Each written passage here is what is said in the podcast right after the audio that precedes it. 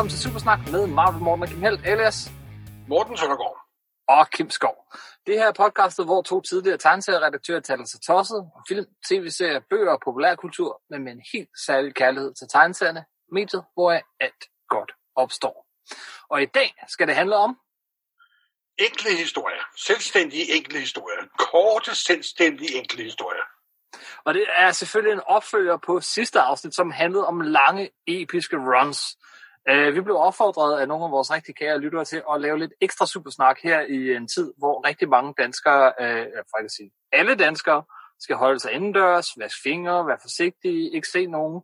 Nogle mennesker ender så med at have rigtig god tid, uh, og, og derfor til dem lavede vi et afsnit om lange, episke runs. Så er der andre, ligesom mig, Der er også Så- hjemme og har ikke så meget tid. som er hjemme med fuldtidsarbejde og børn fuldtid og alting, og ikke har så meget tid, men stadig har lyst og brug for et lille, øh, øh, et, et lille superheltefix fra tid til anden. Øh, og til sådan nogen som, som mig og rigtig mange af jer, der lytter med her, øh, men til jer er det her afsnit. Og vi øh, har sat os for at finde et væld af rigtig gode historier på 8-22 sider. Ikke længere. Det skal være Jeg har, jeg har en helt nede på to sider. Fra 2 til 22 sider, og de, og, og de fleste er under 22 sider. De skal være øh, selvstændige historier, altså man skal kunne læse dem uden øh, nogen kontekst i den øvrige historie, der foregår. Øh, og hvad er, er der andre regler, Morten? Jeg skal også helst have sådan en pointe. Sådan et, Ja. lille, et lille bitte budskab eller et eller andet. Eller det skal være specielt. Det skal Og ikke så- bare være... Øh, det ikke bare være, bag, bag, bag, er op og slås med dag, dag, dag, og det ender med lol, lol, lol. Præcis. Og så, øh, og så skal det, øh, hvad hedder det, øh, så må det ikke være Origins, sagde du, fordi det første, jeg kom i tanke det var ikke ved, ved afslutning på nogle stimakser, eller solo, jo, det må du godt være, men det, det, det, jeg tror, vi kommer til, på at holde det inden for den lille unikke historie. som man bare lige kan samle op og læse, hvis man bare lige har to minutter eller fem, så, øh, så er det det, man kan finde her. Og helt ærligt, det der med korte historier, det er jo lidt en tabt kunstform et stykke af vejen. Ja, det Det må, var- må man sige, det må man sige. Der, Altså i øh, gamle dage i starten, der var næsten alle historier korte historier, yes, og afsluttet inden for samme tid, og så var det status quo lige når historien var forbi det var nærmest først med, med uh, Stan Lee og Jack Kirby og deres Fantastic Four, hvad der kom siden, at, at uh, historierne blev lange, episke, uh, fortsatte og havde subplots og alle de her ting. Uh, før da, um, så, så var det virkelig uh, korte historier. Os, der uh, voksede op med Superman med Batman-bladet på dansk, jamen det var et sort-hvid blad på 52 sider med 3 til 4, nogle gange 5 historier af. Øh, og det var fordi, at det var, det var det, DC gjorde rigtig meget. De korte. Ja, 10-15 sider, nogle gange 20, hvis det, hvis det var en treparts novel, så var det Ja. måske op på 22 sider. Yes. og det, de formåede alligevel at fortælle en historie med begyndelse, midte og slutning og en pointe. Øh. Ja. Tit og ofte i hvert fald. Altså, jeg er ikke ked af, at øh, vi får længere, øh, mere masse Ej, man kan jo nogle gange godt savne lidt, at der behøver måske ikke en 8-nummers maxiserie og 27 sideserie for at forklare, at øh, Dr. Ditten og Datten er blevet slået i hovedet, men altså, hvis du, det, det, ej, der er nok langtrukkenhed lidt over det, det er der virkelig. Så det er nogle gange sjovt at vende tilbage til, det gang det bare var bing, bing, bing. Men de fleste af de serier, vi har med her, er alligevel fra senere end den periode, fordi det, det er ligesom noget andet. Jeg Åh, elsker. der er nu et ret meget nostalgi over min liste, vil jeg sige. Det Ja, er. men jeg har noget af det nyere, fordi øh, jeg synes, det er fedt, når man gør det i dag, og der er faktisk øh, eksempler på, at det er rigtig, rigtig godt. Selvfølgelig, selvfølgelig, selvfølgelig. Og, og øh, men altså, det der med de korte historier, jeg har stående lige ved siden af øh, sofaen herinde på mit eget øh, lille kammer, der har jeg stående øh, Tales to Astonish, volume 1 og 2, øh, og monsterserier. Jeg har sådan, øh, forskellige samlinger af korte historier. Jamen, det er jo noget andet. Det er jo sådan en antologiserie Mm. med alle mulige. Det skal også være helst en, et hæfte, der er en del af et længere forløb, hvor det er sådan en lille pause mellem nogle historier faktisk også. Og, Ja, altså, Ja, jeg, det, det, det, reglerne er lidt, lidt udefinerbare, det er jeg godt klar over, men jeg har prøvet at holde mig til kendte serier, hvor der yes. i serien optræder et enkelt nummer, der virkelig siger bang, simpelthen. Og så skal det være superhelte, selvfølgelig. Det er super snak. Eller folk, der får superkræfter. Mm-hmm. Det lyder spændende. Jeg har, nogen, jeg har en historie med, hvor han normalt ikke er nogen superhelt, men dog bliver det, og har også været det i nyere tid. Jeg øh, tænker, at nu kommer vi med rigtig mange øh, tips til, til gode, super korte historier, som vi holder meget af. Vi prøver ikke at spoile for meget. Det vil være synd, når de er så korte. Og, øh, og så samler jeg øh, listen inde på nummer 9.dk, eller du gør, og, øh, og så kan man lige orientere sig der, hvis det er, at man bliver lidt fortabt undervejs, og tænker, hvad var det nu, de snakkede om, og, og så lige gå ind og så finde det. Og jeg tror stort set alle de øh, serier, vi nævner, de er til at få fat i. I Marvel's app, eller i øh, Comixology, eller andre steder. De jo, kan være lidt svære ja. at skaffe antikvarisk, men det sikkert med undtagelse. Det kan godt være, at der er nogle smutter og hister her, men... Alright, skal vi kaste os ud i det, Morten? Øh, skal jeg lægge ud? Jamen altså, jeg har en liste på 20 hæfter, men det er altså ikke øh, for, for første, for det bedste til det værste. Det er det ikke. Nej, det, det er mine, sådan set skrevet lidt tilfældigt ned. Mine er heller ikke prioriteret. Øh, men det, jeg vil det, gerne... hedder prioriteret, selvfølgelig. Og jeg har også omtrent det samme, så vi må se, hvor mange korthistorier vi kan nå omkring. Men den første, jeg har, det er, øh, det er fra øh, et nummer af Green Lantern, nummer 188 fra maj øh, 1985. Og det er ikke fordi, at hovedhistorien i, i det hæfte er særlig godt. Det er Steve Englehart og Joe Stanton, men det er ikke en særlig god periode i Green Lantern. Til gengæld er der den første af ret mange virkelig, virkelig fede backup-historier på otte sider, skrevet af Alan Moore. Og det her, det var den første, og den er tegnet af Dave Gibbons. Det var vel oh, nok noget med... Et totalt ukendt team. fuldstændig ukendt øh, markerpar der. Øh, og historien, øh, øh, den hedder... Øh, øh, hvad hedder den? Øh, øh, Mogo vil ikke forstyrres, tror jeg. Ja. På dansk. Øh, og det er, altså igen, det er simpelthen, Alan Moore er for mig mester ud i at lave de her korte historier. Og, og, og det her er en repræsentant for det hele. Men det her, det, øh, på, på de der få sider, så møder vi, øh, opdager vi nye sider af Green Lantern Corp. Altså, øh, vi møder en, en øh, superintelligent super intelligent øh, smallpox-virus, vi møder øh, et, øh, en, et medlem af Green Lantern Corps, som er en abstrakt matematisk progression. Og så er der Mogo. Simpelthen. Men nu var Adam Moore jo, inden han kom til USA, jo øh, tilbragt mange år med at lave så en masse små historier til diverse engelske magasiner. Så det, det, lå, det lå lidt i blodet på ham. Men, men de er simpelthen skønne det her. De er kommet på dansk i, uh, i uh, de bedste Alan Moore-historier uh, fra Egmont for nogle år siden. Uh, alle sammen, og de er alle sammen skønne. Jamen, jeg har dem også samlet på engelsk, så...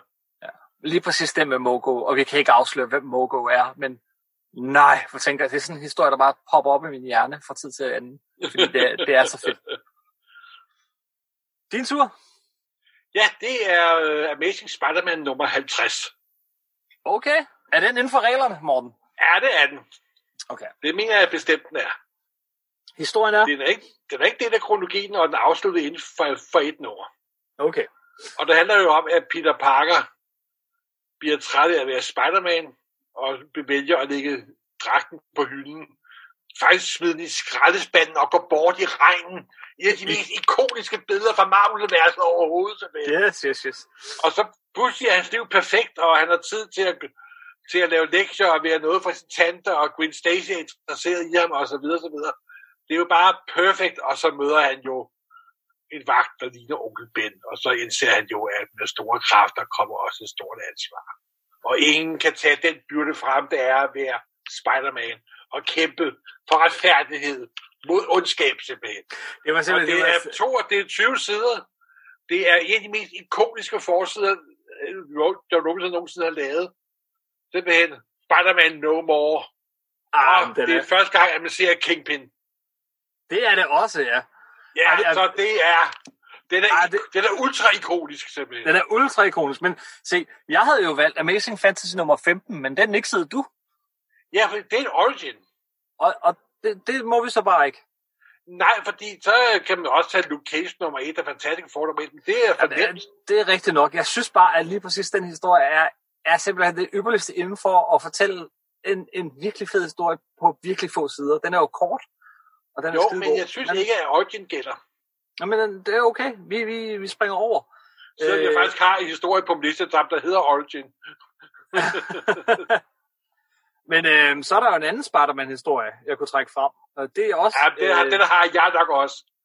ja, er det, er det øh, uh, Amazing Spider-Man nummer 248, vi snakker om? Ja, bag, ikke hovedhistorien, men, Nej. men baghistorien.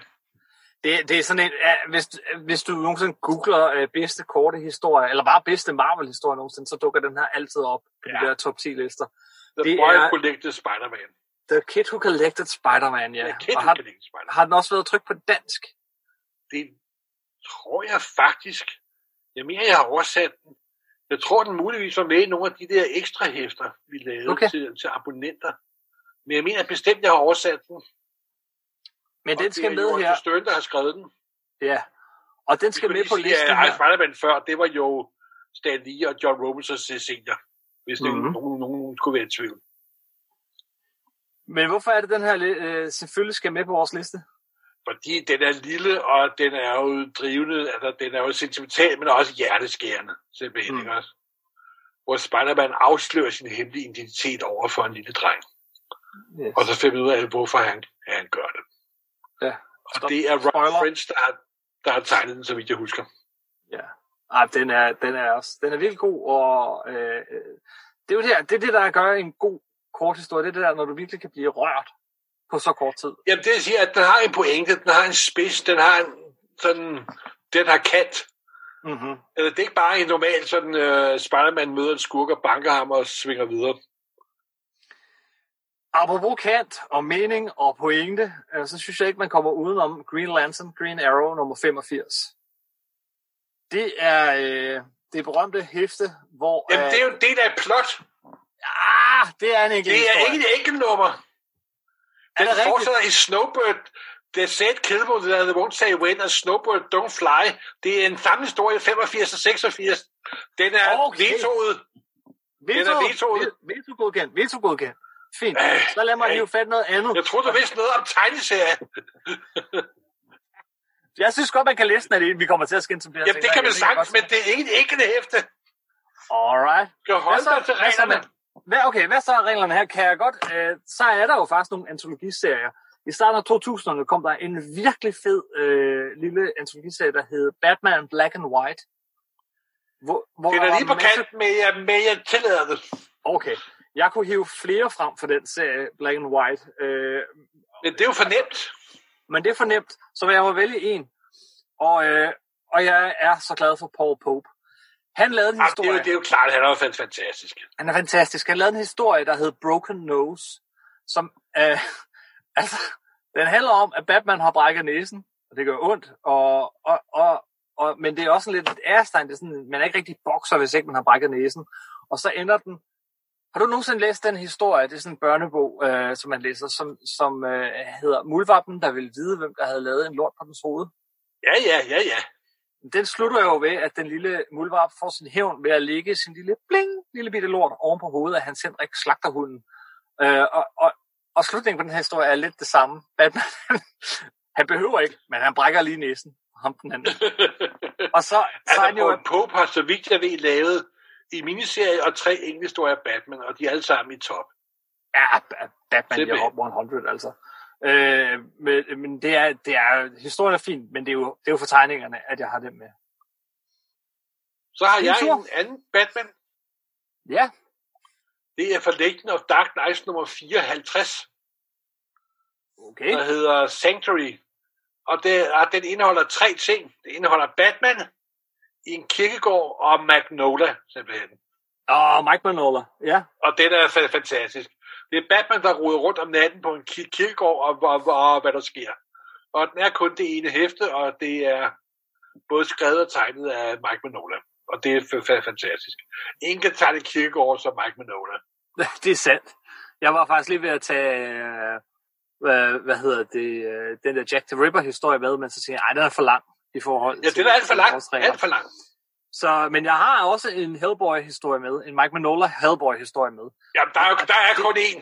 Der nej, er kun én. nej, nej, nej, jeg ved godt, hvad fanden du har med. Er det den, der er på Nej. to sider? Nej, ja, det er, nej, nej, det, det er den anden en. Okay. Okay, øhm, skal jeg gå først så? Jeg har valgt, øh, jeg synes, den historie, der er allerbedst, allerbedst bare, indeholder, den indeholder alt, som gør Hellboy-figuren så fed. Det er en lille kort historie, der hedder The Corpse. Livet. Jeg kender, kender godt. Øh, og, og det, det, altså jeg vil ikke, nu skal man jo ikke spoile, så jeg vil bare sige, der sker så mange virkelig vidunderlige, underlige ting i den her historie, og Hellboy opfører sig, som kun Hellboy kan gøre, og så er den bare vidunderskønt tegnet med de her tusch, mørke, mørke tusch alle steder, og, og den vidunderlige, øh, hvad hedder det, farvelægning. The Corpse, det er ikke engang 22 sider, jeg tror, den er 10, øh, og den er altså skøn. Men hvad havde Jeg du så taget? valgt den der, hvor... Den, den har jeg faktisk ikke med på listen. Det er den, hvor Hellboy spiser pandekager og, Ja, det jo- og så det redder jeg. verden. Den er også skøn. Hvad er den? Den, To, så, den, den, den er der to eller faktisk tre oprindeligt sider. i sort-hvid. Mm-hmm. I uh, Dark Horse Presents, kan jeg huske nemt. Så blev den senere fra, fra farvelagt. Du må lige finde ud af, hvad nummer det var i. Men, men det var en af de første, hvor, øh, hvor vi får forklaringen på, øh, altså Hellboy, han, øh, som lille barn, så er han der, og alle dæmonerne nede i helvede er sådan, "Øh, kom nu, sejr for os, og sådan noget. Men så så har bliver- amerikanerne et våben, som ingen kan skåle sig imod. Pandekager. Og hele Og helvede der var skriger, meget, og der var meget gråd i, i helvede den dag. hele helvede skriger, no! det er virkelig, det er fedt. Det er virkelig, virkelig fedt. Øhm, jamen, så er det vel min tur igen. Ja. Øh, jeg skal lige, øh, jeg hopper og danser mellem de her ting, jeg har valgt ud, men øh, øh, noget, der minder øh, lidt om den her miniserie, der hed øh, øh, Black and White, øh, var en anden miniserie, øh, som, som DC kørte tid, der hed Solo. Og i Ja. den her, hvor at vi havde for eksempel danske Christensen. Det er, jo, fik det, er jo, det, er jo, det, er jo, det er jo lidt uden for forældre, vil jeg sige. Hvorfor det? Det er Hvorfor ikke det en, det er jo ikke en del af et forløb, hvor der er en enkelt historie i forløbet. Ah, Det okay, er, jo, lavet, okay. det er jo lidt ligesom den black and white. Du kører Okay. lige på kanten, kammerat. må, må, måske skulle vi have været enige om de regler, inden vi gik i gang. Men, Nej, men det er okay, mig, der bestemmer. ja, du er ligesom min søn, når vi spiller Ludo, så nej, det er en ny regel. Jeg overholder Okay. okay. alle de regler, når jeg spiller med det i Popeye. Ej, men, men ved du hvad, jeg vil, jeg vil have fremhævet Darwin Cooks øh, solohistorie med Slam Bradley. Øh, men jeg, jeg, jeg, jeg, jeg køber din regel, det er okay. Jeg vil sige, at hvis Det er man jo fantastisk. Det er jo ikke fordi, det er jo en af Jerry Sinkels helte, før at han lavede Superman. Det er jo fantastisk, altså. Ja, ja, ja. Og hvis man gerne vil læse korte historier, som er, er virkelig fede, øh, og er, er nye, moderne, så, så gå ud og find den øh, hardcover, der hedder Solo, hvor de alle sammen er samlet. Okay, jamen øh, det var så fail herfra. Ja, så har jeg øh, Batman Du- 251. Batman 200 og hvad? 51. Yes, og det er? Det er, hvor Jokeren vender tilbage. Adams og O'Neill. Ah, hvor ja, Joker bliver genskabt. The, er det ikke The Five-Way Revenge of the Joker, eller et eller andet? Jo, jo, jo. Så og man det er jo der, hvor Jokeren nærmest genopstår, simpelthen. Og det er Neil Adams og Daniel O'Neill for fulde place, simpelthen.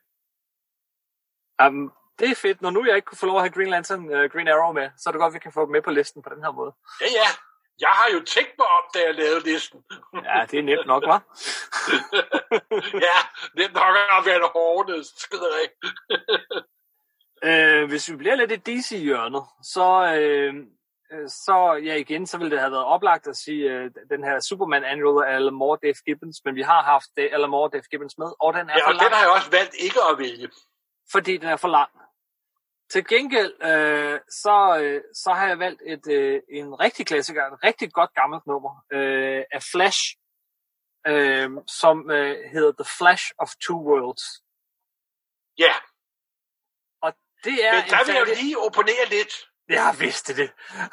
Fordi at, jamen det er i orden, men du har valgt den på grund af den historiske betydning, ikke på grund af dens kvalitet. Jo, jeg har valgt den på grund af dens kvalitet. Jeg har læst den lige, er ikke så lang tid siden.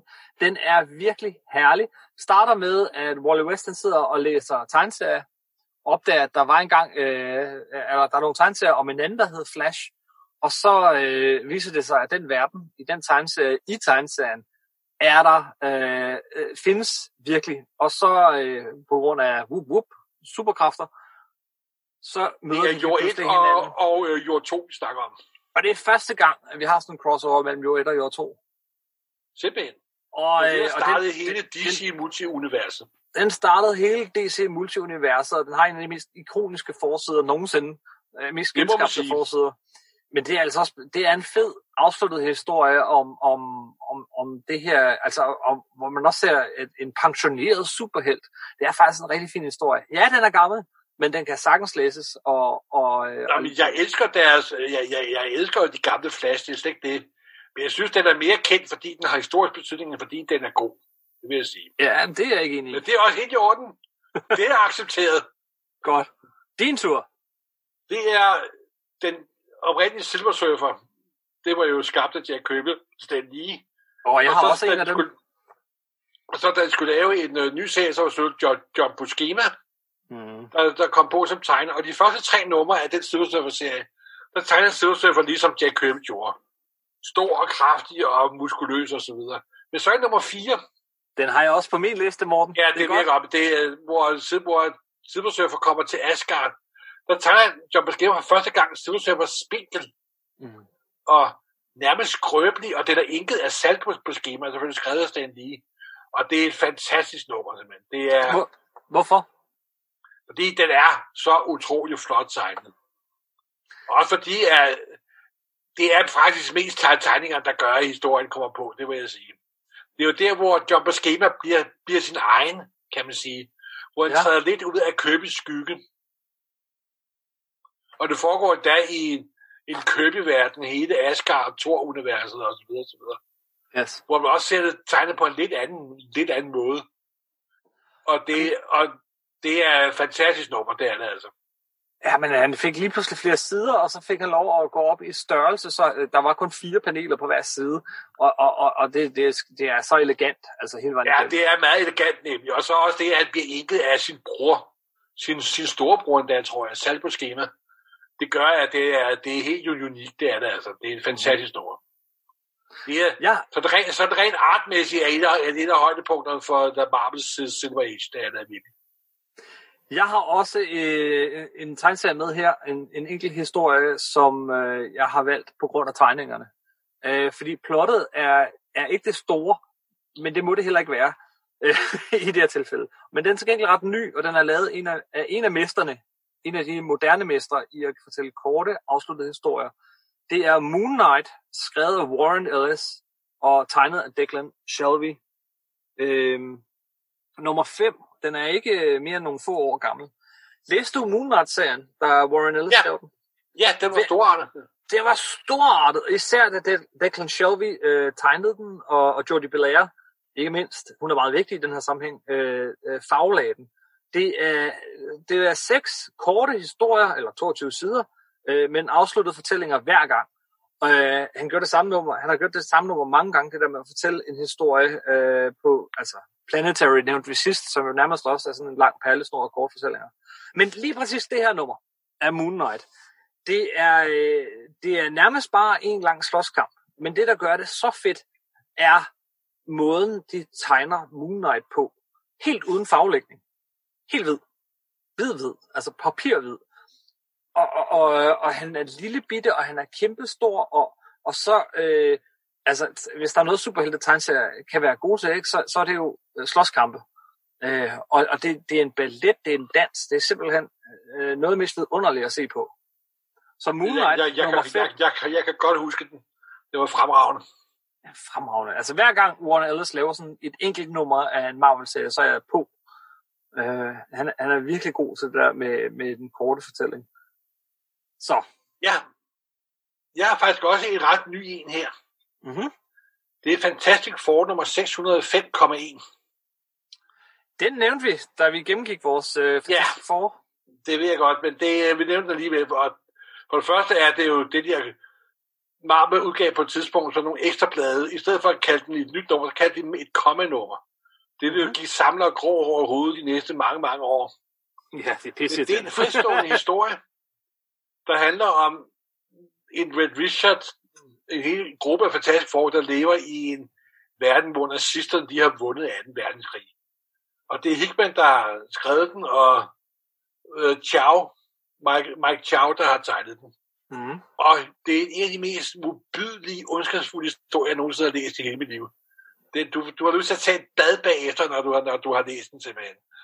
Men den er også pissegod simpelthen. Oh, det er fedt. Det er fedt. Og den er virkelig hæslig simpelthen, men den er også rigtig, rigtig god. Mm-hmm. En øh, anden serie, jeg har valgt på grund af tegningerne, øh, er, øh, er også forholdsvis ny. Jeg tror, jeg, øh, og øh, totalt overset, synes jeg. Øh, det var ikke mit første møde, men øh, første gang, jeg sådan virkelig blev imponeret over David Aha, som jeg senere lavede Hawkeye og en masse andre ting, som han vandt masse priser for. Men han lavede et one-shot med Wolverine tilbage i 2006 eller 7 eller 8, øh, som hed Depth of Death, altså øh, skylder øh, en død. Øh, en dødsskyld. Og, øh, eller gæld.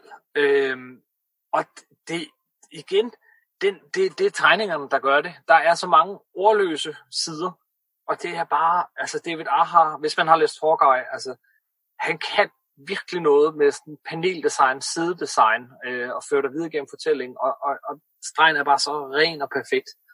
Øh, det er en af de øh, Wolverine-historier, jeg har læst flest gange. Og Wolverine er jo et, en af de få Marvel-figurer, som der er rigtig mange korte historier med. Ja, der var en overgang, hvor der kom nærmest et par stykker om måneden simpelthen. Altså, der, der er solohistorier ja. og Wolverine. Det er nærmest synonym med hinanden simpelthen. Yes, men det her er langt den bedste. Jeg kan huske, hvor meget jeg fortrød, at jeg ikke nåede at få den udgivet på dansk. Nej, jeg vil med den historie. Øh, din tur. Ja, så er det, øh, går vi lidt tilbage i den nostalgiske skuffe, vil jeg sige. Mm. Mm-hmm. Og det, det er Daredevil nummer 6. Okay, så er vi langt tilbage. Ja, ja, vi kommer længere tilbage end det. Øh, hvor øh, Daredevil møder Mr. Fair, og den er skrevet af lige selvfølgelig og tegnet af Bollywood. Yes. Og grunden til, at jeg er så vild med den, det er fordi, det er læst den på dansk i sort-hvid. Jeg tror, at den kom som nummer 7 på dansk, eller sådan noget, som jeg husker. 7 eller 8. Men det er jo fordi, at ham der, Mr. Fair, han har jo et vokskabinet. Ja. Og det er jo fyldt med Marvel-figurer. Der er Ramatut og Dr. Doom og Magneto. Men dengang jeg læste den, der havde jeg aldrig set dem før. Jeg ikke, vidste ikke, hvad de hed. Så det nummer, det indeholder jo første gang, jeg så et hav af Marvel-figurer. Og gik op for mig, at der var et helt univers, et Marvel-univers. Og jeg kan Alright. huske, at jeg var, altså historien, det er sådan, uh, Mr. Fair, der har sådan nogle skrækkugler og jæger. Yeah, det, det er sådan ok. Men de der voksfigurer, der er i vokskabinettet, de var, og så tegnet af Bollywood, der jo er en fantastisk tegner. Ikke? Jeg var fuldstændig opslugt af, hvem de figurer var, og hvor de kom fra, og jeg tænkte, tænk hvis jeg nogensinde engang kan genkende dem alle sammen. Det er jo være fantastisk simpelthen, ikke også? Så ja, det er en meget nostalgisk nummer. Det er et, du har valgt udelukkende på grund af nostalgi, fordi... Øh... Nej, det er også Bollywood, der har tegnet det. Bollywood er fantastisk. Åh oh, jo. Ja, jo. Er det en afsluttet historie, eller er det... Ja, det er ved Gud, det er. Det er ved Gud, det er. Ja, okay. I øvrigt, altså, det var i øvrigt, øh, og igen, det er jo ikke superhelte, men, men bag i de dæmoner, der kom på dansk, så var der jo øh, fast en, en lille kort, 6-8 siders øh, Ja, ja, det var de, de præ-marble-historierne. Ja, som var skønne. Jeg har også en øh, Daredevil på, og jeg ved, du opponerer, men jeg vil gerne argumentere. Jamen, øh, det er, min, du er totalt misforstået, simpelthen. Min, øh, mit bud øh, øh, er det aller sidste nummer, som Frank Miller lavede på Daredevil, inden han øh, skiftede over til DC, øh, så senere vendte tilbage og lavede nogle andre Daredevil-historier. Men han starter jo med sidste nummer, som han selv skrev og tegnede. Og jeg synes simpelthen, det er helt fantastisk. Det er øh, Daredevil nummer 191. Ja, det er et fantastisk nummer. Det er et fantastisk Men hvorfor spiller nummer. han russisk roulette med, med, med, med, med bullseye? Jamen, ved du hvad? Det er en... Øh, Fordi han har slået sin kæreste ihjel. Ja, og ved du hvad? Livets største kærlighed. Ja, et ekstra nummer 181. Det er en del af et langt plot. og ved du hvad? Det er fuldstændig lige meget, når man læser historien. Fordi Nej, det, du beskriver der, det er rammefortællingen. Det, der egentlig er fortællingen i det nummer, det er, det er Daredevil's origin. Og nu var det jo ikke hive den oprindelige origin med, så jeg har det med her. Og Frank Miller, han genfortæller den her origin. Jeg kan huske, jeg var fuldstændig sindssygt opslugt af den her historie. Jeg læste den igen og igen og igen. Det er en af de historier, jeg ejer i fleste eksemplarer, fordi først læste jeg den bag Hulk, så læste jeg den, da den kom i sort-hvid øh, senere, øh, og så øh, har jeg jo købt den på engelsk, og så har jeg også købt den der Omnibus. Men det er historie, altså Daredevil sidder med Bullseye, øh, han har en pistol med sig og spiller russisk roulette, og, og så fortæller han bare øh, ja, hele sin origin, og Daredevil's origin er jo simpelthen fantastisk. Det aller, øh, jeg, jeg troede, at det var Frank Miller, der var genial her, men jeg opdagede jo så år senere, at det i virkeligheden var en meget, meget trofast genfortælling af Daredevil nummer 1, som på mange måder stikker ud fra alle andre Marvel-historier. Ja, det er jo Billy Edward, der har tegnet den, så det gør den lidt speciel. Det gør den. Jamen ikke bare det, det, det, er, det er jo crime. Det, det er ikke det. Men jeg synes ja. ikke, du overholder reglerne, det må jeg sige. Det... Jo, fordi jeg har læst det uden for sammenhæng øh, mange gange, og jeg har aldrig nogensinde tænkt, at jeg har manglet noget her. Fordi det var måske også noget med tiden at gøre, fordi øh, dengang var man bedre til lige at bruge øh, to bokse på at fortælle, hvad der er sket. Det eneste, jeg behøver at vide er her, at ham her, de her to, de kan ikke lide hinanden. Øh, Nej, men hvorfor kan de ikke lide hinanden? Det men, det, der så gør, men det, der så gør den så god som enkeltstående hæfte, er nemlig også det første, du hører fra at de skal have en pointe. Og jeg skal love for, at den har en pointe. Den, den ja. ene historie, den fortæller alt om, hvem Daredevil er. Øh, ikke bare, hvor han kommer fra, som er historien, men slutningen på den historie, som vi ikke skal komme afsted med. Men det er bare... Ej, altså, og så er jo også har, man af, af, af, af Tage Austin. Var det, det Terry Austin og ikke... Inker, der er på. Det er ikke okay. normale inker, der er på. Okay. Jeg, jeg elsker det hæfte, og, øh, og han har også lavet andre, der var, jeg overvejede at hive frem. Der er blandt andet sådan en kort elektra-historie på få sider, hvor hun svømmer under vandet. Jeg kan ikke huske, hvad nummer Ja, det er for uh, Bizarre Adventures der. Bizarre Adventures. 22, så vidt jeg husker. Den kunne man også have taget. Men jeg holder altså på den her. Det er en enkeltstående historie. Så har jeg også et Daredevil-historie. Nej, det er godt. Det er Daredevil nummer 47. Nå, altså Morten, der må jeg jo sige, en af de her øh, gamle øh, Stan Lee Daredevil-historier må vel være nok. Nej, fordi det er jo en, hvor Stan Lee og Gene Colan arbejder sammen. Og det er jo en af mine, også mine yndlingsteam. Mm. Og det er de mest Stan Lee-agtige historier, der er nogensinde er lavet i Daredevil-forløbet. Ja. Det er 47. Brother, take my hand. Brother, take om den hand. blinde soldat afro, den blinde afroamerikanske soldat, der genvinder livsmodet ved at møde mere Matt Murdock, end at møde Daredevil faktisk. Det er en historie, hvor Matt Murdock er mere på, end Daredevil er på. Hvor man ser, mm. Matt Murdock arbejder som, som, øh, som advokat og kæmpe for borgerrettigheder, for frihed, for at man skal være gode ved den anden, skal være, tænke på forskelle og være et godt menneske simpelthen. Det er Stanleys filosofi i en perfekt lille historie. Og det slutter med, at en glad mand sidder med sin hund til sidst. Det, det er en fantastisk, og det er en, det er en meget rørende historie. Og så er det også der, hvor jeg synes, at Jim Colan tegnestilen var helt fantastisk. Han sådan, planeterne blev større, han fik lov til at sprang alle rammerne og så videre. Åh, jeg elsker den. Og så bare titlen, Brother, take my hand. Simpelthen, altså. Ah, nu er vi alle det, er, det er rørende.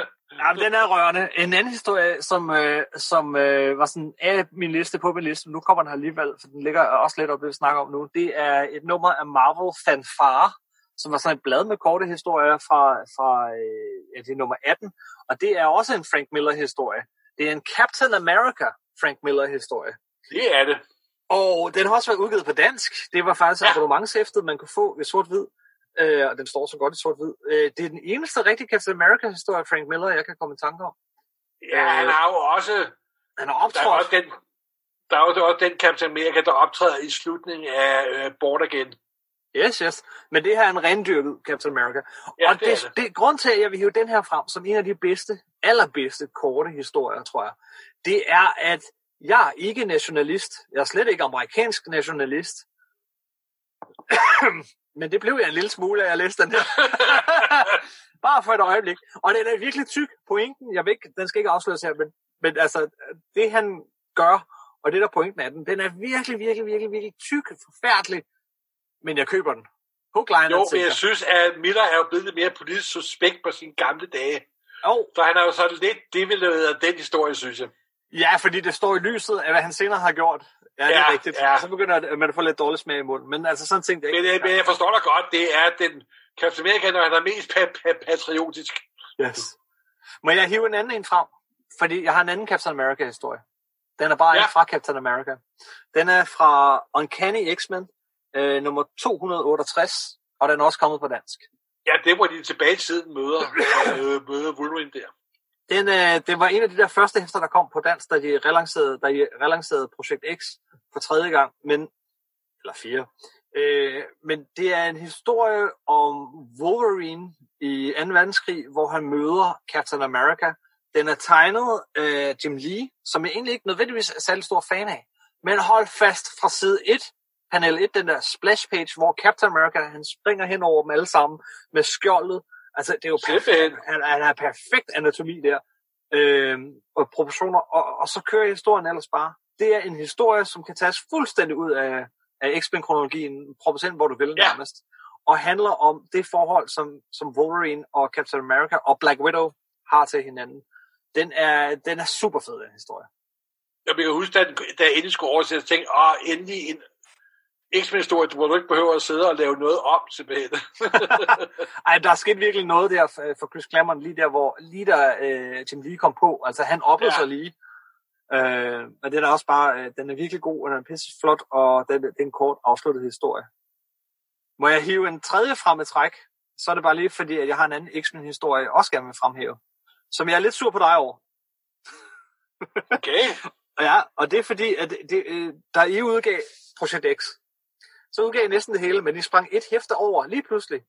Uden, uden det Vi, vi, vi sprang mange efterår. Nej, det gjorde I egentlig ikke, fordi det var svært at springe over i, i Chris Claremonts X-Men. Øh, altså udover, når, I var, øh, når bladet var lukket, men da det kørte. Men, men i en periode, mens det kørte, så sprang I en eller anden grund nummer 245 over. Og nummer 245, øh, jeg, jeg kan godt se hvorfor, fordi den kan klippes ud. Det er også pointen med det her afsnit. Den kan sagtens klippes ud, fordi den, den, den, der, den hiver ikke plottet videre eller noget. Historien, øh, den hedder Men, og den handler om, at øh, Colossus, øh, Havoc, øh, Wolverine og, øh, øh, hvad, hvad hedder han, ham der med øh, Longshot, går på bar, og så kommer de op og slås. Ja. That's it. I know, I know. Men den er herlig. Den er simpelthen så sjov. Og det var sådan midt i sådan en lang, alvorlig historie, så kom det her mega grineren pusterum, som er mest af alt minder om sådan en, en forlænget øh, slåskamp i, øh, i sådan en westernfilm fra 50'erne. Nå, din tur. Jeg skal ikke huske, hvorfor vi skar den ud. Det, jeg, jeg, jeg kan jo skylde skyld på Henning. Ja, det gør det, fordi den bliver faktisk tit fremhævet som en af de bedste X-Men-historier. Ja, men så skylder vi skyld på Henning. Din tur. Nu tror jeg tre træk. Ja, det må jeg sige. Så vil jeg også blive sådan lidt halvnostalgisk igen.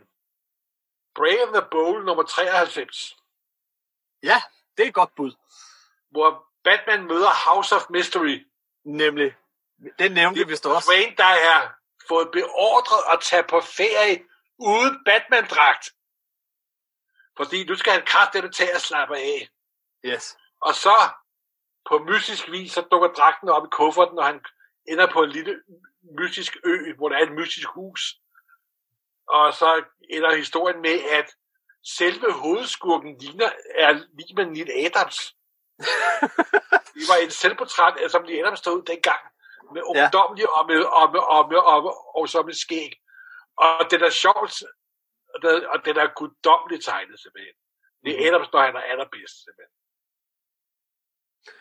Nu er vi i Øh, gang med Bray the Bowl. Der er Ja. ja. også en anden Bray the Bowl. Og det er den mere nostalgiske ende. Det er Igen. Bowl nummer 59. hvad er det for et nummer? Det er, hvor han arbejder sammen med Green Lantern. Og kæmper mod The TikTok Time Trap of the Time Commander. Okay. Det er fordi, at næsten, det er jo sådan en, der kan manipulere tid med sit, med sit, øh, med sit timeglas. Yes. Men det er jo skrevet af ham, der hedder Bob, Bob Henry. Men det er fordi, at der er tegnet af Romano Franono. En af de Ja. få kvindelige superheltetegnere. Eller, hvad hedder hun? Fra, fra, øh, hvad hedder hun? Øh, Ramona. hedder hun Ja. også. Og hun er, det er også hende, der tegnede den allerførste Metamorfo-historie. Ja. Og jeg har, en, jeg har virkelig en soft spot for den simpelthen, det må jeg indrømme. Men det er også en meget nostalgisk valg. Det er ikke lige en, der siger mig noget. Øh, jeg, jeg husker den ikke. Øh, jeg har noget øh, øh, lidt nyere øh, på listen her. Øh, men nej, ved du hvad, inden vi hopper til den, nu du sagde House of Mystery, så har jeg også en, som jeg ikke, jeg har, jeg ved ikke, om vi skal have den med eller ej. Øh, Swamp Thing Anatomy Lesson. Giver det mening, eller en diskvalificering? Ah, det er jo det, der er plot. Ja, det er det vel. Den afslutter et plot og starter et nyt. Ja, Okay, okay, ja, den- ah, den- det er en fantastisk Ja, okay. historie, men det gælder ikke, det gælder ikke. Okay, jamen så har jeg en anden, en, jeg er i tvivl om, men, men den, den, den synes jeg altså så meget kan læses alene, og det er fra Sandman, som vi også havde med i vores lange episke runs. Men uh, Sandman nummer 9... Det er, det er nummer 50, ikke også? Ah, det, den, var, den overvejede jeg også. Jeg overvejede også nummer 8, men jeg endte på nummer 19. Nummer 19 er uh, A Midsummer Night's Dream. Ja, Som det, og er- den overvejede jeg også. Det må der kunne tælle med, fordi den kan læses fuldstændig uden for sammenhæng. Bestemt, bestemt. Det er en genfortælling Og af Shakespeares uh, Midsummer Night's Dream øh, i det her Sandman-drømmeunivers. Jeg vil sige, det er øh, alle sider sted at starte, hvis man lige vil smage lidt til Sandman, og ikke tør at give sig i kast lige med det samme med 75 nummer. Og den havde det sjove, at den vandt en award, der normalt kun bliver vundet af bøger. Years Ja. Fantasy Award. Var det ikke Saturn? Og- Var det Fantasy? Eller fa- Saturn? Ja, men den fik, Og så Det- efter, at han vandt den award, så, så lavede de reglerne om, så man Så det kun kunne må give- stemme på rigtige bøger. ja. Så tegnsæt ikke kunne få det. Men den er virkelig et mesterværk. Nummer Det er en 50 fantastisk også, historie. nummer 50 er også rigtig Det er, fint. det er Charles West, der har tegnet den, som jeg husker. Mm-hmm. Øhm, yes, din tur. Ja, så er der... Og nu har jeg glemt nummeret. Øh, bu, bu. Øh, tilbage i øh, starten af 70'erne lavede DC noget, der hed First Issue Special. Ja. Og et af de numre, der laver... At det er lidt en origin-historie. Det er måske lidt snyd, det her. Det er... Jeg om. Ja. Men det er den Dr. Fate, som tegnede af Walt Simonson. Ja, godt med noget Walt Simonson her. Og den er fuldstændig fa- fantastisk. Altså, simpelthen. Men det er en origin-historie, så jeg bliver nok nødt til at, til at, til at, til at trække den. Okay. Beklager. Så har jeg en anden en, der er super oplagt, men vi er nødt til at gøre, gøre det alligevel. Ja. Astro City en halv. Ah, okay. Den har, ved du hvad, jeg, havde, øh, jeg, jeg sad og vekslede mellem Astro City nummer 1 og Astro City en halv. Ja, Men jeg synes, når nu det handler om korte historier, og vi nævnte faktisk Astro City sådan, uh, i hvert fald lidt i sidste, sidste afsnit, uh, Astro City nummer 1, som er uh, den her slags Superman-historie, men Astro City nummer halv, en halv, det er jo en endnu kortere historie, ja, det der er på Og- 16 sider. så den vinder i dagens anledning. Simpelthen. Og jeg tror også, at vi snakkede om den sidste gang, faktisk.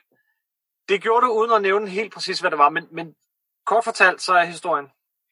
Det er en, der drømmer om en kvinde, han aldrig har kendt, men som åbenbart betyder enormt meget for ham. Mm-hmm. Og han kan ikke få den her kvinde ud af hovedet. Hun er ikke hans type, han kender hende ikke, og hvorfor? Og så finder han ud af, at det er en, han engang var forelsket i, var gift med, kom sammen med. Men på grund af en kæmpe kosmisk be- begivenhed, sådan en crisis, Ja, så har de blevet nødt til at starte hele verden forfra, og, og så på en eller anden underlig grund, så er hun forsvundet ud. Men han kan stadig huske hende. Og så øh, kommer den der The Hanged Man, The Hanged Man, som der er Astro, Astro City-universets Doctor Strange, ja. og sørger for, at han får fred i sjælen. Jamen, det er øh, på dog- 16 sider øh, øh, øh, øh, ikke bare en, en, en sød og romantisk og fin øh, og flot og rørende fortælling, men også samtidig det, som Astro City kan, sådan en, en metafortælling om hele superhelte-genren og, og dens... Øh, Det er, jamen, det er en fantastisk historie. mm-hmm. Jo, øh, Kurt Busiek måske putte lidt mande ud i bæret ved at lave en fortsættelse på den, da han Ja. afsluttede sit Astro City Run. Ja, sådan noget har han det med at gøre. der er bare lidt snyd, men det, det, er jo det er okay. Det er okay. Yes. En øh, sådan subgenre inden for det her er, må- er, er øh, der kørte, og kører faktisk stadigvæk en gang imellem, øh, øh sådan nogle, øh, en serie fra Marvel, der hedder The End. Øh, og selvom det er, det er nok det tykkeste hæfte, jeg har med på min liste her, men det er stadig et hæfte og en afsluttet historie. Det var Peter Davids og Dale Knowles Hulk The End, som ja. flere af vores lyttere også har været inde og, og pege på. Det er en stjernefed hulkfortælling. Den kan læses under sammenhæng. Den handler bare om, at den her forbandelse, jo, som hans øh, hulk-forbandelse øh, er, øh, han er blevet gammel, han er den sidste overlevende, han kan ikke dø, og det er det, den handler om. Den er det er jo det, den nye Immortal Hulk kører ud i ultimativ konsekvens. Ja. I nye Immortal Hulk nummer 25, der jo foregår 7-8 milliarder år ude i fremtiden.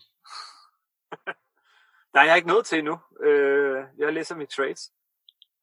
Nå, gud, det gør du også. Øh, Sorry. Din tur. Spoiler noget, skulle jeg have sagt. Din tur. Så er det en igen lidt gammel klassiker. Er Neil Adams både skrevet og tegnet af Neil Adams? Det er ikke tredje gang, du hiver Neil Adams historie frem. Jo, men jeg har bare det, jeg, jeg, jeg skrev ned, hvad jeg kunne komme i tanke om. Jeg kunne sikkert have, en anden dag havde jeg måske fået 20 andre hæfter. Det havde jeg jo nok. Samme her. det er Spektra nummer 3. Første gang, jeg læste Spektra overhovedet. Mm. Den kom i Bababladet. Og det er den mest fuldstændig vanvittige, skøre historie simpelthen. Den starter med to kosmiske skæbninger, der er oppe og slås. På side 3 er en simpel dobbelttyv fået kosmiske kræfter. Wildcat dukker op på sin motorcykel og alt muligt. Og jeg kan huske, at jeg læste den første gang, og tænkte, what the fuck is going on, simpelthen. Og dengang kunne Adams godt skrive historier, det kan han ikke mere, han er gået totalt i frø, simpelthen. Nogle af de historier, han har prøvet at skrive de sidste par år, fordi de siger, har været det rene vås. Mm. Det er også vås, men på en god måde. og yes. den betyder meget for mig, den historie. Det er også lidt nostalgi, det må jeg indrømme. Men den er altså også fantastisk tegnet. Og det var der, hvor Adams også første gang fik lov til at skrive en historie. Altså i øh, første gang? Og det er et stort ja. syretrip simpelthen. Mm-hmm. Faktisk er der en, øh, øh, den havde jeg ikke med på listen, men der er faktisk en Neil Adams historie fra moderne tid, som, som jeg synes er virkelig fed i den her sammenhæng. Øh, og ikke fordi historien er så fed, men hans tegninger. Det er også fra Batman Black and White. Der lavede han et enkelt hæfte, hvor at øh, han har en, en, en, en rimelig simpel historie, men den er tegnet, øh, den er trygt som blyant. Så han har tegnet den med blyantstreg. Ja. Og så er den aldrig blevet rentegnet. Den er ikke noget andet. Det er bare hans blyantstreger. Og hold fast, dude still got it. altså, jeg vil faktisk ønske, at alt, hvad han lavede, bare var rent blyantstreg. Fordi det bliver hurtigt. Og jeg vil ønske, at han holde op med at lave tegneserier. Det bliver mere og mere pinligt gang. Det gør lidt ondt. Okay. Nå, øh, jeg har selvfølgelig også noget nostalgisk med, fordi kan du gætte, hvad der var aller, aller, aller, aller, aller, aller sværest for mig, da vi skulle lave den her liste? Ja, det er hvilken uh, Teenage Mutant Ninja Turtles historie, du vil vælge. Præcis. Fordi de har altid været gode til at lave enkelte historier helt fra starten af. Altså noget af det første, der kom, var, var noget, der hed uh, Micro Series, hvor der var en fantastisk Raphael-historie, en fantastisk Leonardo-historie, som har en af de bedst koreograferede kampscener nogensinde. Og øh, alle mulige fantastiske historier, men jeg måtte jo vælge en af de klassiske, og en af de nye. men den klassiske, den klassiske fra... Øh, du har snart overtrådt de, de kvote, tror jeg du havde tre Neil Adams historier med. Fire Batman-historier. Jeg må gerne have lov at have to Turtles-historier. Jeg har en Batman-historie til, faktisk. Ja, se selv. Der er forskel. Hvem er det, der finder på reglerne? Det er Batman! Det er Batman! Men øh, den øh, Turtles-historie, som jeg synes, hvis man bare trænger til en hurtig, øh, virkelig fantasifuld øh, Turtles-historie, og så er den faktisk lidt anderledes, end de ellers plejer at være, Øh, men det er fra, øh, den hedder, øh, det er Teenage Mutant Ninja Turtles Micro Series Donatello nummer 1. Og jeg hævde den faktisk frem helt tilbage i afsnit 15-16 stykker, eller sådan noget supersnak, da vi snakkede Turtles. Øh, men det er en, en virkelig fin fortælling om øh, den her turtle, som hedder Donatello, som er en opfinder, mekanikeren. Den starter med, at øh, de her Teenage Mutant Ninja Turtles, de sådan crashede lidt hos øh, April O'Neil, øh, og brokker sig. De sidder bare og hygger sig, men Donatello, kan du ikke lige fikse det her? Kan du ikke lige fikse det der? Hey Donatello, der er koldt vand. Kan du ikke ordne det her? Jo, jo, og det gør han så. Og så råber øh, øh, April lige, hey Donatello, pas lige på, når du går ned i kælderen. Der, der bor en til leje dernede, han skulle nyde se dig. Men så mens Donatello går dernede, så lige pludselig kommer der sådan et væsen, en lille drage flyvende forbi, og han får et chok. Og så vender han sig, hey, hvad var det? uden at tænke over, hvem han er. Og ham, der, så vender, er der en fyr, der vender sig om og, og bliver helt vildt panisk, fordi han ser den her turtle. Mandens navn er Kirby, og øh, han tegner Han har fået sådan en lille krystal, som gør, at når han tegner noget, så bliver det til virkelighed. Uh, ligesom Otto er et næsehorn. øh, men det forsvinder efter et stykke tid. Så han, har bare, han sidder bare og tegner med den her krystal på, men tingene forsvinder efter et stykke tid. Det, de så finder ud af, er, at det forsvinder ind i en, i en, en uh, anden dimension. Og så følger de efter. Og det anviser det sig, at alt, hvad han har tegnet, og det er virkelig køberobotter, købemonster, det er så købe. Det er en hyldest til købe, det her. Så øh, alt, hvad Kirby han tegner, er faktisk virkelighed bare i en anden dimension. Så du kan nok selv gætte Algoin. Øh, og så øh, slår, slår Leonard, øh, hvad hedder Donatello og Kirby sig ellers sammen, og, og så sker der ellers fantastiske ting. Den historie, den øh, tænker jeg tit på. ja, men en historie, hvor Kirby er med, det kan jo ikke være, det er en dårlig historie. Nej, men jeg havde to. Den anden, øh, i mange år nu her, i over 100 numre, plus en masse, masse sideserier, så har IDW lavet den bedste lange, episke Turtles-fortælling overhovedet, synes jeg. Øh, hvor det andet var meget enkle historier, korte historier, så, så har det været en lang fortælling stort set. Men de udgav også microseries, og de lavede et nummer, som jeg har skraldgrinet af så mange gange. Det er sjældent, man finder en tegneserie, man virkelig bare skraldgrinet af. Øh, men de, øh, de gjorde det, de, de lavede det her nummer, der hedder Microseries Teenage Mutant Ninja Turtles uh, Villains, Bebop and Rocksteady. Der er lange titler nu om dagen. Øh, men de to, de her to figurer, som egentlig ikke nogensinde har været en del af Turtles-historien, bortset fra den der åndssvage tegnefilm fra 80'erne og 90'erne. Og så tager de de der to latterlige tegnefilmsfigurer, og så gør de dem stadigvæk sjove, men du får også lidt ondt af dem, og så bliver de lige pludselig meget uhyggelige.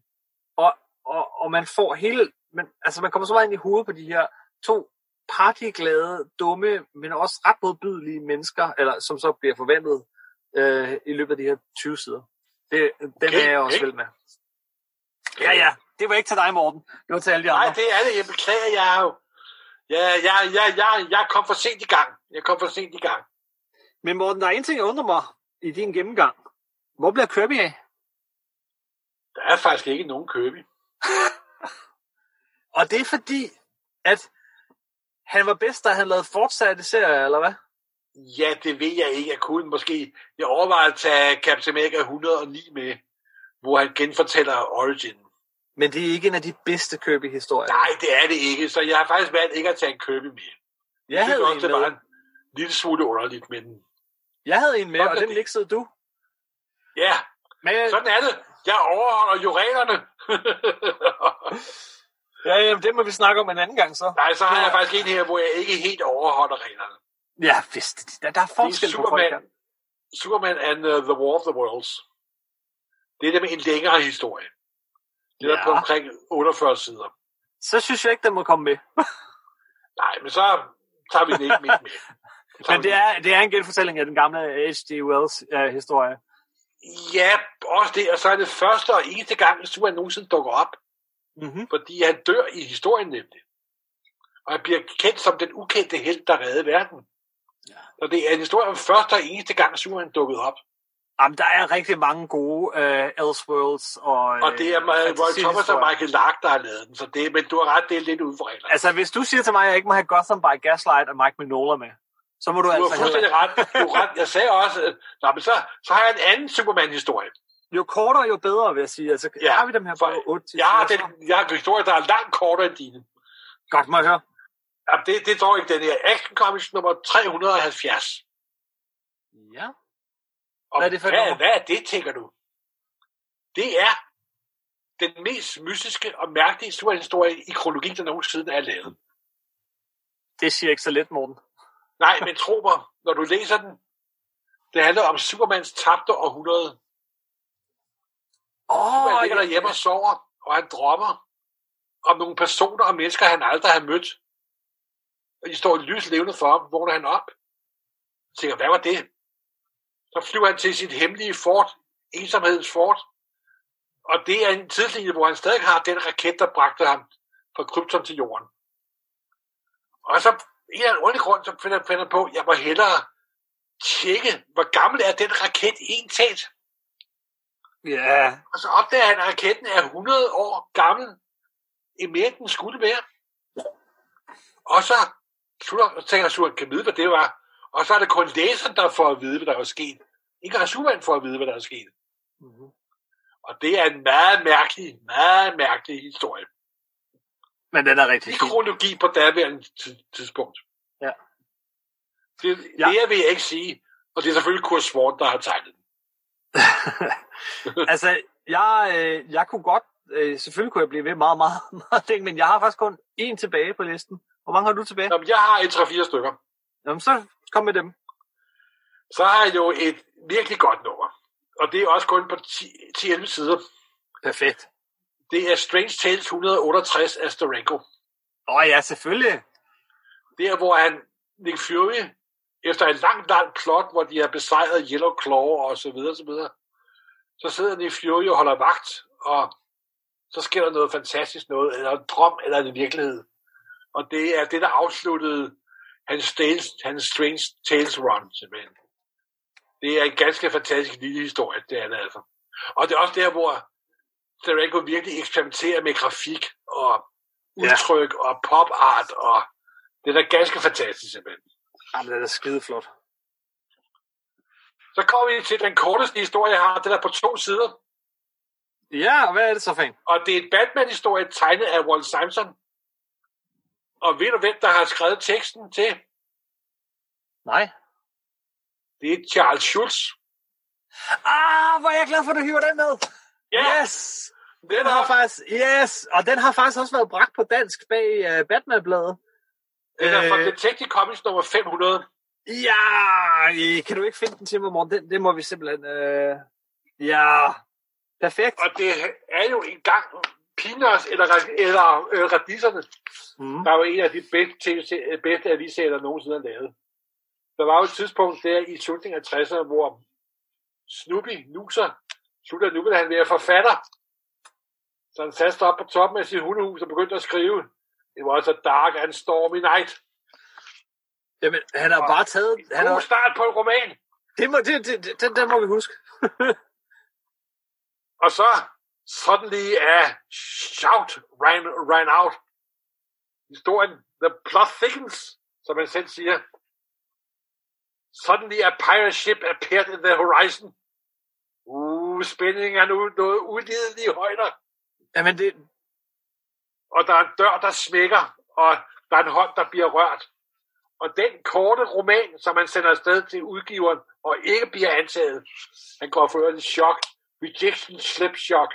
Og altså, Charles Schulz er jo en fantastisk tegneselskab, og den virkelig. jamen i radisterne, der er det jo sådan en historie, der går over lang tid. roman er lavet om til en Batman-historie, som Walt Simonson har illustreret på to sider. Yes. Jeg husker den Den er ganske vidunderlig. Yes.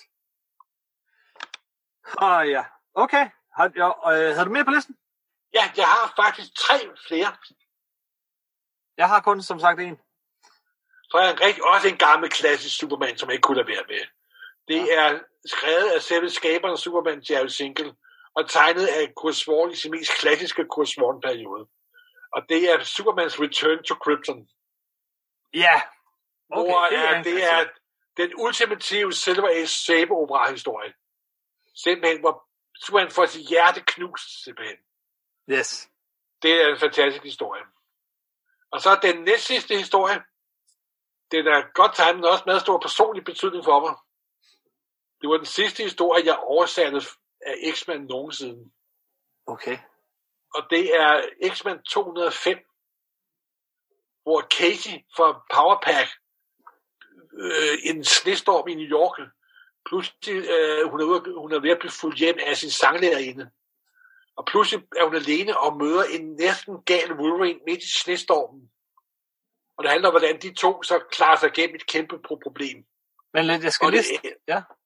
Og Hvordan det ender med, at og det var, fordi, det var den sidste historie, jeg oversatte af Chris Claremont overhovedet. Det var fordi, den kom i sådan en bog. Det var fordi, den kom, fordi det jo et gammelt nummer, men det er fordi, den kom i Ja. sådan en bedste X-Men-historier. Ja, Det er derfor, det var den sidste, du oversatte. Jeg skulle lige være med, fordi det, det, Ja. det nummer er jo kommet tidligere på Og jeg husker, at jeg sad der klokken 5 og 6 om morgenen og skrev de sidste Ja. sætninger, hvor ham og Casey går bort hånd i hånd. Og der drog jeg jo en ledelsens suk. Det var Men ikke... Det er altså også... aldrig mere oversætte Chris Claremont. Ej, men der må man så give den gode gamle Chris, at det der er godt nok en af hans bedste enkelhæfter af, af X-Men. Ja, og den er jo fantastisk tegnet af Bad Barry Smith. Altså. Det er nemlig det, den er. Forsiden, hvor at Wolverine han sådan ligger sådan strukket tilbage på sådan et bord, så med 4.000 ledninger ind i sig, øh, og så ellers bare farvet kun rødt. Det er, Ja. det er igen en ikonisk forside og en virkelig god historie. Jeg tror Ja. også tit, den, den topper et hæfte. Øh, altså det, det var Claremont god til en gang imellem det der med at så sige, okay, nu hopper vi lige ud, og så laver vi lige et nummer, hvor de spiller basketball, eller, øh, Eller, laver eller, eller slåskamp, med møder Captain America tilbage i tiden, eller... Ja, ja, eller, ja eller, eller bare tager en enkelt af sine figurer. Altså, det var jo en teambook, men nogle gange så tog han en enkelt figur. Øh, og, altså, Wolverine var jo en, han tit brugte i starten, men så senere øh, skruede lidt ned for, da alle andre gjorde det. Ja, Det er, et skide, det, det er et skide godt hæfte. Øh, så har du en tilbage. ja, Må jeg så, så tager, smider jeg lige en ind, fordi øh, den her er også lidt, den er egentlig en del af en længere fortælling, men den, øh, den kan sagtens, øh, den man kan sagtens hive den ud, og så læse den selvstændigt. Øh, men, men Hawkeye af, af Matt Fraction og David Ahar, det er The Pizza Dog. det hedder Pizza Dog fra nummer 11. Øh, hvor hele historien, hele hæftet, den vandt også en Eisner for bedste enkelhæfte, Jamen, den, den er fantastisk. er fortalt igennem hunden. Altså, det er ligesom, hvis du tager øh, Chris Ware og smelter ham sammen med, med, med øh, Kirby og øh, Lee og alt. Altså, jeg kan ikke... Det er svært at, at forklare, men, men hele den der historie er fortalt fra hundens synsvinkel. Øh, man behøver ikke at læse det, der kommer før, man behøver ikke at læse det, der kommer efter, men jeg, jeg, jeg vil sige, hvis man læser den der historie, så kan man ikke lade være. Det er jo også fordi, du er så vild med infografik, jo ikke også? Jeg elsker infografik. Altså, jeg sidder Og det er jo nærmest en info, infografik-historie. Men altså, jeg, jeg elsker infografik, og det er det. Øh, altså, det er jo sådan noget, vi sidder med, jeg sidder med til daglig, så det, det, er lige, det er lige mig. Men den er altså også, udover det, så er den sød, altså, og fin. Jamen, den er, den er fantastisk. Den er fantastisk. Nu kommer jeg lige i tanke om en til, fordi jeg synes, du skal have lov at afslutte. Men der er en til historie, og, og hvis det er den samme, du har på listen, så griner jeg. Men, Det er det garanteret 100% ikke. Okay. Det er en one-shot. Det er et crossover. Det er en uh, ny. Vi ser, hvornår du gætter det. Det er Batman. Og det er Elmer Fjot. Ah, ja, selvfølgelig. Elmer Fjot fra Snor Snup. Øh, Tom King lavede, øh, og man kunne ikke hedde mange af hans øh, hæfter frem, hans animus og alt sådan noget, men han lavede øh, et crossover mellem Batman og Elmer Fjot. Og det burde være tåbeligt, det burde være ligegyldigt, det burde være åndssvagt. Men det er mega godt, og det er mega rørende, og, og det har alt det, vi snakker om her, en pointe i sig selv. Vi er over de otte sider, vi er nok på, på 22-25 sider, men det er stadig en virkelig god Det er, det, det er accepteret. Godt. Og så er den tegnet af Lee Weeks, som jo er Selvfølgelig, altså, selvfølgelig, ja. den bedste tegner. Øh, Ej, der bedste er også ham, tegner. der lavede de der 51, 52, 53, der er et af, af toppunkterne i Steve Kings, øh, øh, i, i Tom Kings øh, Ja. Run. Jamen, som sagt, man kunne have hævet mange frem. Så, nu får du lov at afslutte. Ja, og Den, det er øh, hæfte, der hverken er Marvel eller DC. Og det var da på tide. Ja, jeg havde Turtles okay. med to gange. Ja, ja, men jeg... Det er... Hold nu fast på hånder og bretter. Det er lavet af en af tegneseriens allerstørste mestre. Og måske den mest berømte amerikanske tegneserietegner i Danmark. Will Eisner? Han er endnu mere berømt end Will Eisner. Karl Han har Barks? været i Danmark. Karl Barks? besøgt- Hvad sagde du? Karl Barks? Det er netop Karl Barks. Okay. Det Ja, er sådan- Walt Disney Comics and Stories nummer 107. Nå ja, Muskelkongen, muskelkongen. hvor Anders Sand drikker en kosmisk energidrik ved en fejltagelse. Og bliver super, for superkræfter simpelthen. Yes. Hvor han binder kometer sammen, og øh, han rejser ned øh, sunkne oceandamper, og splitter bjergkæder, alt som man kan se guldet, og kæmper mod ørne og så videre. Den er simpelthen, og laver damptrumler om og redder lille pige og så videre, og så videre. Den er en så vidunderlig parodi på superheltegenren, fordi, så vidt jeg har forstået, så var Max ikke særlig begejstret for superheltene. Det Han synes, tror jeg ikke. Det var, han synes, det var noget pjat, at børn læste det, når de skulle læse hans historie. Og der går historie om, at han aldrig nogensinde så nogen læse hans egne hæfter. Mm. Han så dem kun sidde og læse de her Kate Crusader-historier. Han var slet ikke klar over, hvor populær han var, før han var øh, Nej, netop. Meget, meget Nej, han fik jo fandt ud af lidt på sin gamle dage, ikke også? Ja. Men det er en fantastisk parodi på superheltegenren. Og det er jo Super Snooper, som man hedder på amerikansk. Men den danske oversættelse, Muskelkongen, er sgu næsten bedre. og, og, Alright. det ender, og historien starter med, at Rip Rup sidder og læser en superheltehistorie, og får skældt ud af Anders And. Og så ender det med, at Rip Rup smider hæftet ud, fordi man skal aldrig lade voksne komme i nærheden af sine superhelteserie. De bliver for påvirket for meget simpelthen. og jeg elsker den Karl Barks historie. Den er Ja, det, det er en god en at slutte af på. Øhm, jeg spurgte også inde på øh, vores Facebook-side, øh, supersnak. Øh, punktum, øh, hvad hedder det, facebook.com, supersnak podcast ud et. Øhm, der spurgte jeg også vores øh, lyttere, øh, hvad de havde af, af enkelhæfter. Og det var ikke alle, der helt forstod reglerne, men det gør vi jo så heller ikke, så det er lidt i orden. Jo, vi gør. Men- I er perfekte. Men, øh, men bare lige for at nævne, øh, Rasmus Krøyer, han har også Uncanny X-Men nummer 205, øh, som du snakker om lige før. Og der er flere, der foreslår øh, Alan Moores Superman the man, for the Man Who Has Everything, som er en annual og måske lidt for lang og lidt for op. Jo, men det er men det er jo fa- fa- fantastisk. Det er det jo. Der er flere, der, der peger på Swamp Thing-historier, men øh, jeg har også lidt svært ved, som du siger, at tage et enkelt hæfte og pille ud af den serie. Altså, det er en, en lang fortsat historie. Så selvom der er nogle virkelig gode bud, så tror jeg lidt, det kræver, at man, man læser dem fortløbende. Så Ja. fungerer den serie i hvert fald for mig at se allerbedst. Peter Haas har et øh, ret godt forslag, øh, øh, et ret godt bud, som vi har glemt. New Teen Titans nummer 38. Who is Donna Troy? Kan du huske den historie? Oh, ja. Det er, øh, altså, det, det, hvor vi havde den her Wonder Woman niece, og, og vi så lige pludselig får hendes rigtige historie, det er også en rigtig klassiker. Altså, øh, også en rigtig klassiker. Øh, det, øh, det er ikke fordi, du sådan lige husker den, kan jeg høre. Åh, ja, og det er godt. Jeg læste dem, dengang de udkommer, så har jeg faktisk ikke læst dem siden. Oh, okay. Det er en af de, øh, den er virkelig fed, og en rigtig standalone. Øh, så øh, er der nogen her, der nævn, øh, nævner, nævner Action Comics nummer 775 med historier, som tit topper de her øh, lister, når jeg ser dem rundt omkring. What's so funny about truth, justice and the American way? Action Comics nummer 775. Øh, Ja, det, det kan jeg faktisk ikke engang huske. Ja, jeg synes, den er meget amerikansk, så det er faktisk Jamen, ikke det- nødvendigvis. Ja. Øhm, og øh, og ja, nu nævner jeg ikke alle. Øhm, da, da, da. The Kid Who Collects Spider-Man er der flere, der nævner. Øh, og, øh, og så er der nogen, der nævner et enkelt hæfte af Animal Man, som vi snakkede om sidste gang. Øh, og det er også et oplagt hæfte. Jeg, jeg ved ikke, jeg tror faktisk godt, du kunne læse det uden for sammenhæng. Øh, det vil du hverken forstå det mere eller mindre af. Det er Animal Man nummer 5, The Coyote Gospel. Ja, det ved jeg godt, men den er jo en del af hele den der Force World, øh, den der fjerde væg tankegang og så videre. Jamen, det var det, nej, nej, fordi det var det første hæfte, hvor han gjorde det i. For alvor i hvert fald. Ja, det ved jeg godt, men, Så- og, så- det, men jeg forstår godt, hvorfor man, men det, den er sådan, den er sådan lige på grænsen, vil jeg sige, men den er ok, vil jeg sige. Okay. Der er mange, der nævner Saga of the Swamp Thing. Øh, og så er der en Thomas Bjerg, som nævner Wolverine Bloodhunter af Sam Keith. Den er nok også Det lige bliver også en af de der utallige solo-historier med, med Wolverine. Yes. Øh, og så Martial Law, Crime and Punishment.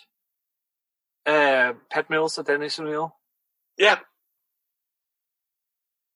Den tror jeg faktisk ikke, jeg har læst. Så er der også øh, nogen her, der nævner Hulk the End. Og sidst et godt eksempel, synes jeg også på en X-Men-historie, det er nummer 143. Det der julenummer, hvor øh, Katie Pride sådan virkelig træ- træder i karakter og viser sin øh, ja hvor hun er alene hjemme. Ja, det er også en rigtig god en. Jamen, det, den er ok, det vil jeg sige. Det, den er ok. Og Altså, det er en skidegod historie, men den er også sådan inden for reglerne, det er det, jeg vil sige. Yes, og så er der en anden, øh, som jeg også synes er et godt bud af, af, John Michael Straczynski. Øh, øh, Marius, Marius her, han nævner øh, Amazing Spider-Man Volume 2, nummer 36, med det helt sorte logo. Det var, da, øh, det var et nummer, hvor øh, John Romita Jr. tegnede, og øh, et, jeg vil kalde det et digt nærmest, øh, Ja, men den Om- synes jeg er så... om 9-11. tidsbestemt. Jeg har er det, så tidsbestemt og så underlig, og den er i virkeligheden totalt den er jo skrevet i løbet af 20 minutter, ifølge historien, og det er sådan en lang, sådan følelsesmæssig over, hvad der var sket, og så videre, og så videre. Ja. Men jeg synes ikke, den er specielt god, faktisk. Det synes jeg egentlig heller ikke, men, som, som, men, men den, er, den er selvfølgelig mega flot, og man, man, man, man ligesom, det er sådan en tidslom, som du siger, ligesom om, man, Ja, bestemt, man læser den, så lidt ligesom om, jeg er i dagene efter, efter september igen.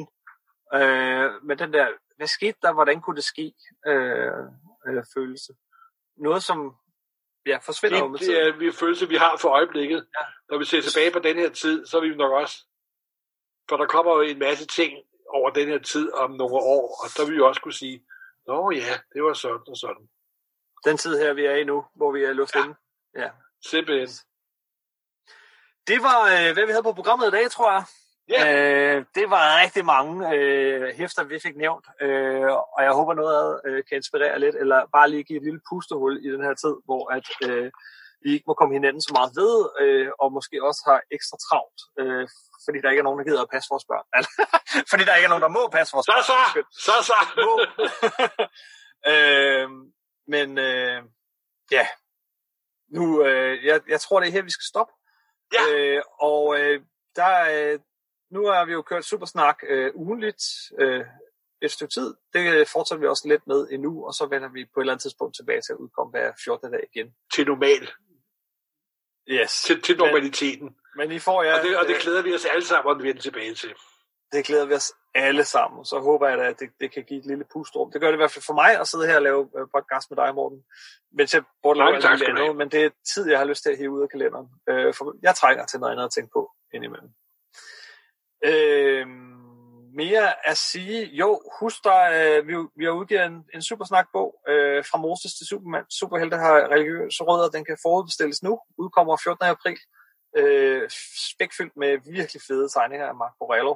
Har vi mere på tapetet, Morten? Mere Nej, der har vi ikke. korte historier. Øh, jeg, håber jo, jeg håber jo, det er, en, det, altså, det er en særlig genre, og det er noget, jeg håber, at øh, man bliver ved med at, at dyrke lidt. Jeg savner det nogle gange, midt i alle de her er jo lange ting. mere hoppet over i, i antologier, end de er hoppet over i det normale rækkefølge af hæfter. Ja. Fordi nu om dagen skal der være seks hæfter og en trade paperback og så videre. Ja, og så indimellem, så prøver de at sætte prisen op på bladene ved at have sådan nogle backup features øh, bagi. Det, det gør de en gang imellem. Ja, Ja, men ligesom, om der er det- ikke rigtig nogen, der vil have dem. Det er, det er lidt, der, det er no, jeg synes, det er en lidt en genre, der lidt hører, hører fortiden til. Ja. Men Og os nu se. Tiden skifter. Tak for den gang, Morten. Ja, hej hej. Hej hej.